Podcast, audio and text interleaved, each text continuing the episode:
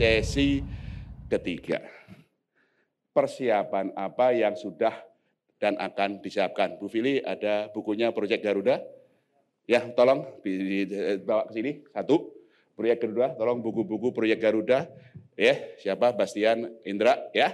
Satu buku Proyek Garuda, ya. Nah, sambil nunggu buku, ya, ada tiga persiapan yang sudah akan dilakukan Bang Nusa.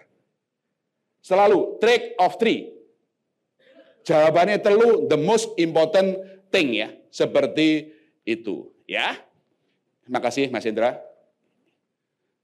Three most important thing persiapannya. Ya. Yang satu yang sudah kita luncurkan adalah white paper untuk conceptual design. Ya. Conceptual design digital rupiah. Ya. Makanya ini sudah di website kita kan, Bu Fili? Ya, bisa di close up, Mas. Bisa di close up ya, sosmed ya, supaya ini ya.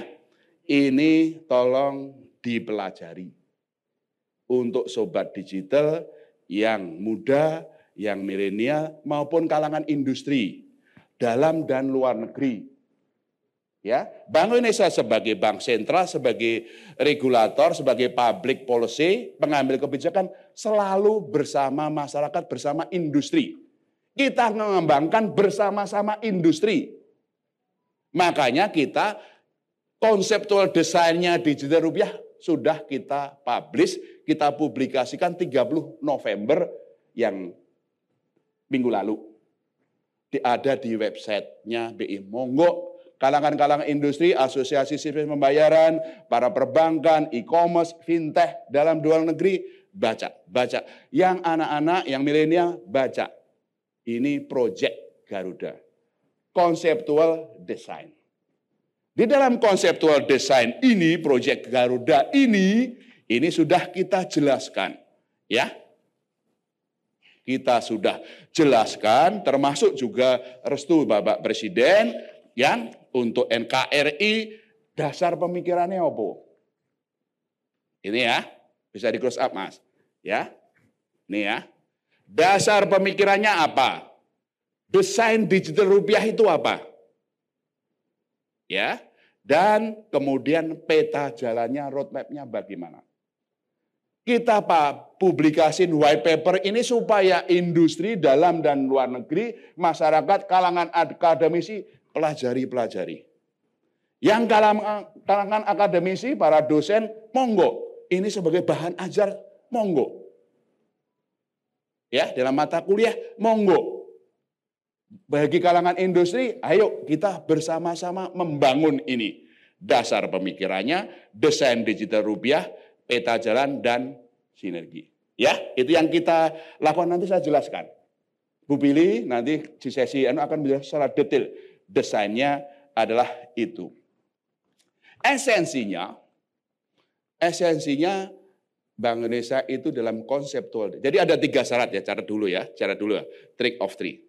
Satu, konseptual design. Sabun Mbak, sabun ya, konseptual desainnya gini.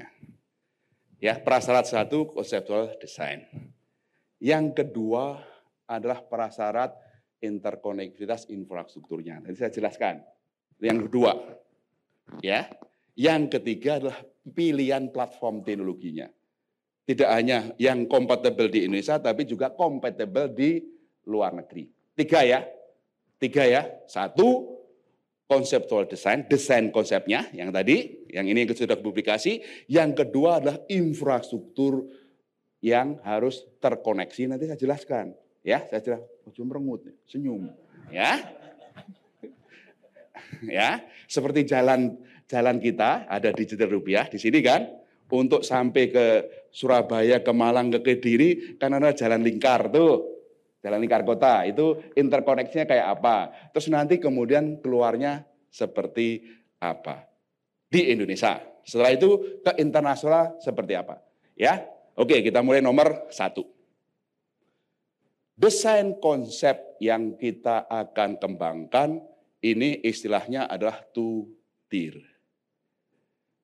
Tutir itu apa sih? Ya, ada tir, ada dua tahapan. Sorry, bukan dua tahapan, ada dua jenis. Di dalam digital digital central bank digital currency itu ada yang wholesaler, ya, ada yang distributornya, ya, ada yang retailer. Saya ulangi ya, central bank digital currency di berbagai dunia itu ada desain yang wholesaler yang besar ya distributornya ada yang kemudian nanti menjadi retailernya, pengecernya. Ya. Banyak negara beda-beda. Tapi Bank Indonesia itu akan mulai dulu dengan wholesaler central bank digital currency. Wholesaler digital rupiah. Para pemain, pemain besar baik perbankan maupun non-bank yang giat di dalam pelayanan jasa sistem pembayaran akan kita pilih. Siapa yang layak menjadi distributor digital rupiah? Ya. Jadi Bang Reza akan membangun kasanah digital rupiah. Kasanah digital rupiah. Ojo dilihat di mana kasanahnya gitu enggak. Isinya adalah platform teknologi. Ya, kita nggak akan nggak akan bilang di mana seberapa besar rahasia. Ada kasanah digital rupiah yang isinya adalah coding-coding digital rupiah tadi. Ini yang kemudian akan kita sambungkan dengan para pemain besar, bank maupun non-bank, yang kita sebut wholesaler, distributor. Kita akan pilih. Ya, kita akan pilih. Nah, dari kasanah digital rupiah dengan masing-masing distributor ini, wholesaler akan kita sambungkan dengan distributed ledger teknik atau blockchain. Pilihan teknologinya. Jadinya apa Mbak Inang? DLT atau apa? Belum. Ya. Ada dua. Bisa blockchain, bisa distributed ledger teknik. Jadi nanti bank A, bank B kalau mau ya ngambil mindahin dari rekening biasa ke rekening digital, teng wis rampung. Karena langsung terdistribusi secara digital. Antara bank non bank yang mau bertransaksi ya teng langsung tek karena masing-masing sudah punya bagian dari integrated distributed ledger teknik atau blockchain. Begitu. Jadi nggak perlu lagi bank gitu ya kalau mau mindahin rekening atau store rekening di BI, nggak perlu lagi kemudian ada aplikasi, kemudian minta ke BI, kemudian di clearing settlement. Enggak. Langsung. Dari kasanah digital rupiah ke masing-masing wholesaler. Kenapa kita memilih wholesaler? Tidak semuanya. Karena semuanya nanti di LT-nya banyak banget. Blockchain-nya banyak banget. Kita akan memilih wholesaler baik bank maupun non-bank. Semuanya akan tersambung secara distributed ledger teknik atau blockchain. Pilihannya bisa salah satu, bisa dua-duanya. Ini nanti ya, itu seperti ngertos nggak ya? Bisa bayangin kan gitu? Instant, second, dan bisa cepat. Demikian juga antara wholesaler bisa bertransaksi secara digital. Apakah pinjam meminjam, transaksi, transfer segala macam, tenggara masing-masing merupakan istilahnya dalam DLT atau blockchain adalah node, node dalam distributed ledger teknik blockchain tadi. Secara instant. Ya. Jadi dalam konseptual design ini Bank Indonesia akan memulai dengan wholesaler CBDC di rupiah. Nah, wholesaler ini distributor akan sesuai dengan kesiapannya dan persyaratan teknologinya, kemudian kita akan izinkan, akan kita assign ya. Akan kita tunjuk juga menjadi pengecer, retailer. Sehingga bank-bank ini atau non-bank itu kemudian bisa, mulai bisa membuka dua rekening. Rekening yang biasa, rekening digital. Dan masyarakat sudah juga bisa menggunakan yang digital tadi untuk apa-apa, silahkan. Ini yang disebut tutir wholesaler digital rupiah dengan retailer digital rupiah. Ini konseptual desainnya adalah begitu. Ngertos mas? Paham? Rodo pusing ya? Rodo pusing? Enggak ya, gampang. Kalau brin gampang, teng. Gitu ya. Yang lain-lain bayangin ya. Ya, ini kalau digital semuanya coding-coding, masing-masing pelaku itu di dalam distributed ledger teknik itu merupakan bagian-bagian yang saling terkoneksi secara instan melalui platform digital. Jadi pemindahan transaksi segala macam tek tek tek tek itu secara digital. Enggak ada lagi kemudian ini. Tinggal nanti praktek bisnis prakteknya transaksinya nanti kita atur. Ya, jadi kita akan fokus dulu pada wholesaler dan kemudian wholesaler akan kita sesuai kesiapannya, kita akan berikan mandat untuk menjadi retailer. Tapi Bank Indonesia juga bisa langsung ke retailer kalau para pelaku wholesaler ini tidak mampu melayani. Seperti sekarang Bank Indonesia tetap melayani masyarakat di 3T. Terluar, terdepan, dan tertinggal. Di yang remote-remote itu kalau pelaku distributor ini tidak mampu, Bank Indonesia bisa langsung retail. Itu caranya begitu. Ya. Fokusnya kepada distributor, wholesaler, wholesaler akan kita mandat retailer. Kalau ada segmen-segmen masyarakat yang belum bisa dipenuhi oleh para wholesaler, Bank Indonesia bisa langsung ke retailer. Itu makanya sing rodo begini, begini, begini, yang masih gini dibaca baca, baca, baca, ini ya ada di situ penjelasannya ya. Seperti itu. Itu adalah persyaratan satu. Satu, jawabannya apa? Bank Indonesia sudah menyiapkan yang disebut konseptual design. Ya, konseptual desainnya akan fokus kepada wholesaler dan kemudian ke retailer. Itu ya jawaban nomor satu. Prasyarat nomor satu Ya, ini sudah kita lakukan. Ini makanya ini sudah tahapan.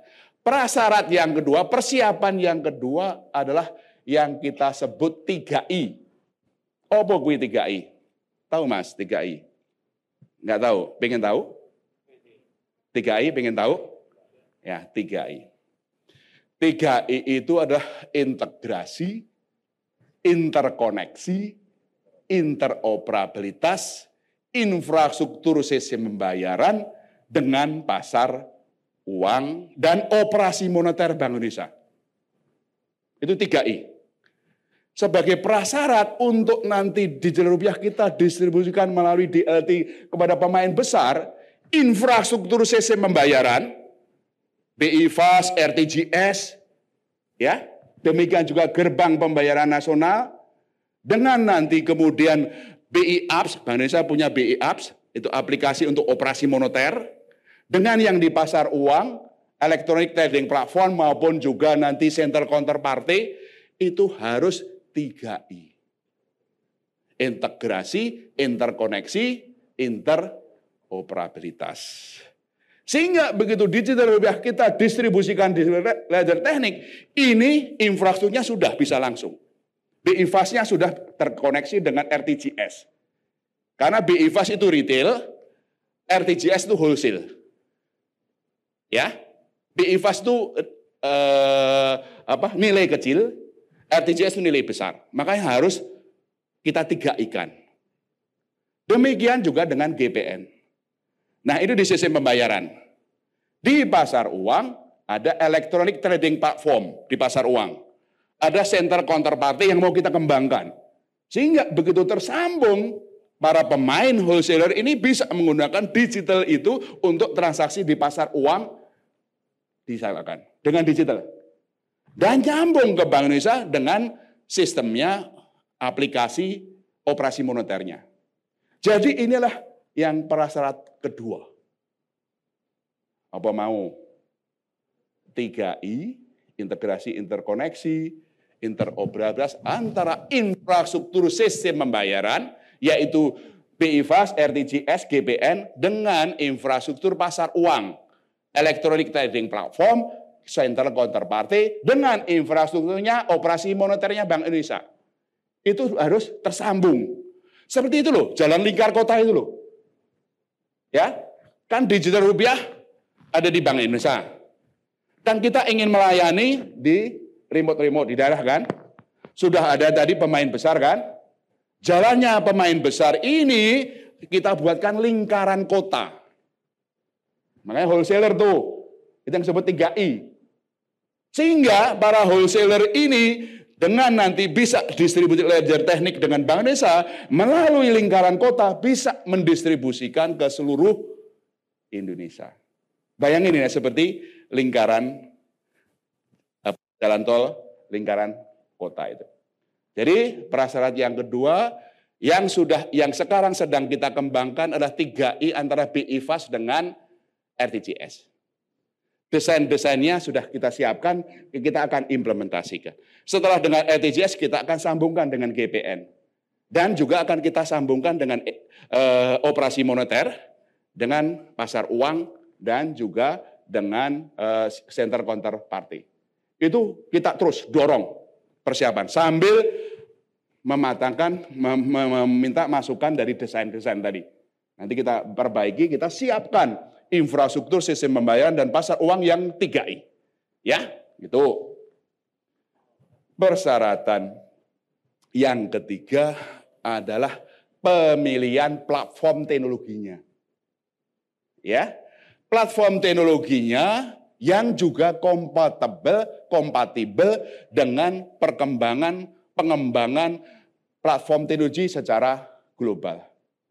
Di dunia ini Bank Indonesia juga ikut dengan 20 bank sentral lain yang sedang mengembangkan platform teknologinya. Ya, platform teknologi yang sudah dikembangkan dan sedang dikembangkan, ya, basisnya bisa distributed ledger teknik maupun blockchain tapi proyek-proyek CBDC-nya itu kalau di bawah Bank eh, for International Settlement untuk yang di Eropa sana ada namanya Project Dunbar. Project Dunbar itu itulah sejumlah bank sentral di Eropa yang sedang mengembangkan juga pilihan platform teknologi CBDC-nya. Project Dunbar itu di Eropa. Di Asia, Timur Tengah, Asia juga dengan uh, Cina itu mengembangkan proyek namanya M-Bridge. M-Bridge. Bank Indonesia ikut di, dua itu. Ya, nanti tentu saja pilihan platform teknologi yang di Indonesia tentu saja harus kompatibel dengan Dunbar maupun dengan Enbridge sesuai kesepakatan. Sehingga ketika kita keluarkan digital rupiah yang sudah eh, terkoneksi dalam negeri, bisa kemudian juga kita bisa untuk digital rupiah nilai tukarnya dengan digital dolar, digital ruyo, euro maupun yang like digital yuan dan segala macam itu melalui konektivitas antar negara melalui proyek Dunbar dan atau proyek M Bridge. Inilah pilihan platform teknologinya. Pilihan platform ini kalau dasar teknologinya bisa DLT, Distributed Ledger Technique, bisa blockchain, ada juga yang stable coin. Ya, itu seperti itu. Nah, inisiatif globalnya ada Project Dunbar, ada Project Embridge. Kita ikut di situ. Ya. Roto pusing enggak? Roto pusing. Oke, kita teduhkan. Supaya teduh aku tak minum dulu. Silakan kalau mau minum ya. Ya, silakan kalau minum. Para sobat eh, digital kalau minum silahkan di rumah ya. Ya.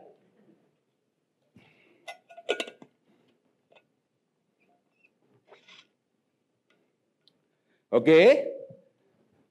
Jadi itu adalah tiga prasyarat.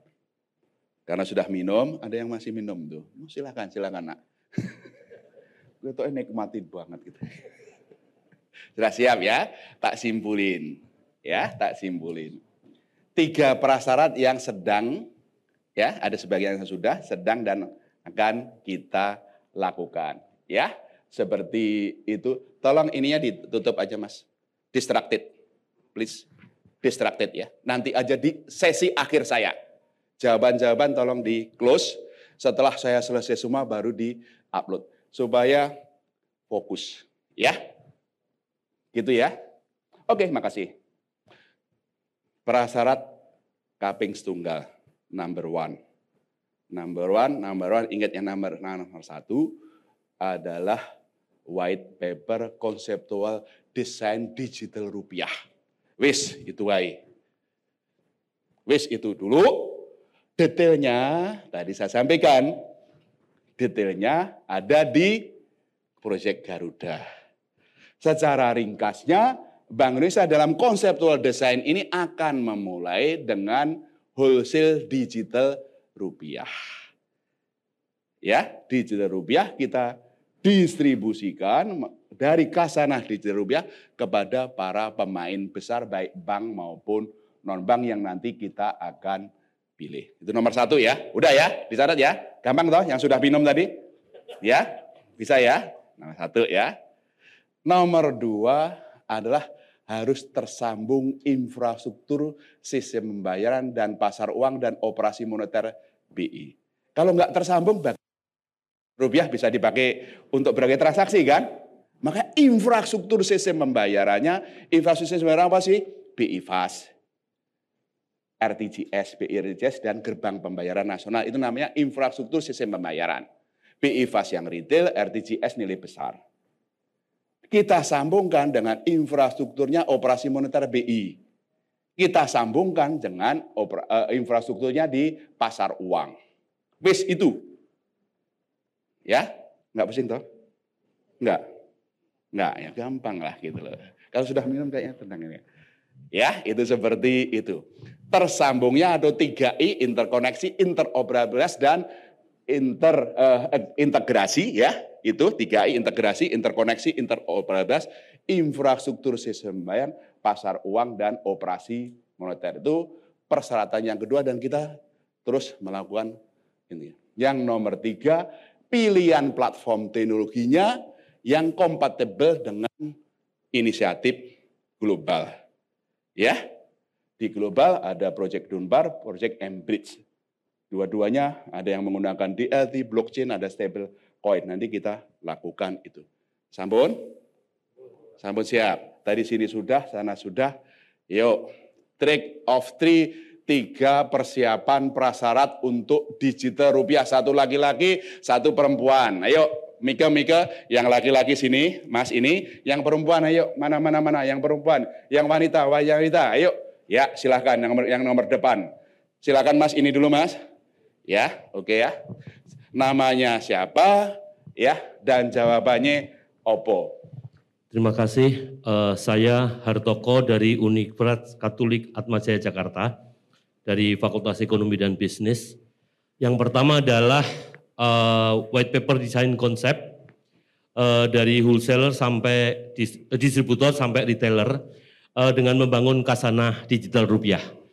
Yang kedua tersambungnya infrastruktur pembayaran dengan mengembangkan 3I yaitu integrasi, interkoneksi, interkoper kooperabilitas antar sistem pembayaran. Kemudian yang ketiga, pemilihan platform teknologi yang sesuai dengan platform yang dipakai secara internasional yaitu Denbar dan Embridge. Itu aja Pak. Tepuk terima kasih. tangan. Terima kasih. Terima kasih. Terima kasih. Monggo Mbak siapa? Namanya siapa? Dari mana? Ya silakan. Pagi Pak. Ya. Saya Mia Pak dari DMST. Oke silakan. Syaratnya tiga. Yang pertama uh, konseptual design. White paper CBDC uh, start from wholesale sampai dengan nanti at the end retail CBDC. Kemudian yang kedua 3I 1P integrated, interkoneksi, interoperability dan uh, untuk infrastrukturnya uh, integrated antara uh, SP, pasar uang dan OM. Okay. Kemudian yang ketiga pemilihan platform teknologi ada pilihannya uh, DLT, blockchain atau stablecoin yang menyesuaikan dengan uh, kompatibel dengan inisiatif teknologi global. Terima kasih, tepuk tangan, tepuk tangan, tepuk tangan. Oh, is timing? Oke. Okay. Berapa menit? 20 menit. Oke, okay, no worry. Karena masih dua lagi ya. Oke. Okay. Satu, ingat, ingat, ingat, ingat, ingat, ingat, ingat ya. Oposi digital rupiah. Bedanya apa sih dengan alat pembayaran yang kertas maupun account? Fungsinya apa sih? Gitu kan? Itu nomor satu. Ya, seperti yang nomor dua, ya selalu jawabannya tiga ya, yang most important. Yang kedua, kenapa sih BI harus mengeluarkan digital rupiah sebagai satu-satunya alat pembayaran yang sah? Ada tiga alasan. Gitu kan? Ada yang nomor tiga selalu trick of three. Tiga hal penting, selalu trick of three. Yang nomor tiga, persiapan yang sudah dan akan dilakukan sebagai prasyarat. Ya kan? Barusan white paper, 3I infrastruktur, pilihan teknologi yang kompatibel dengan global. Gampang toh? Gampang. gampang.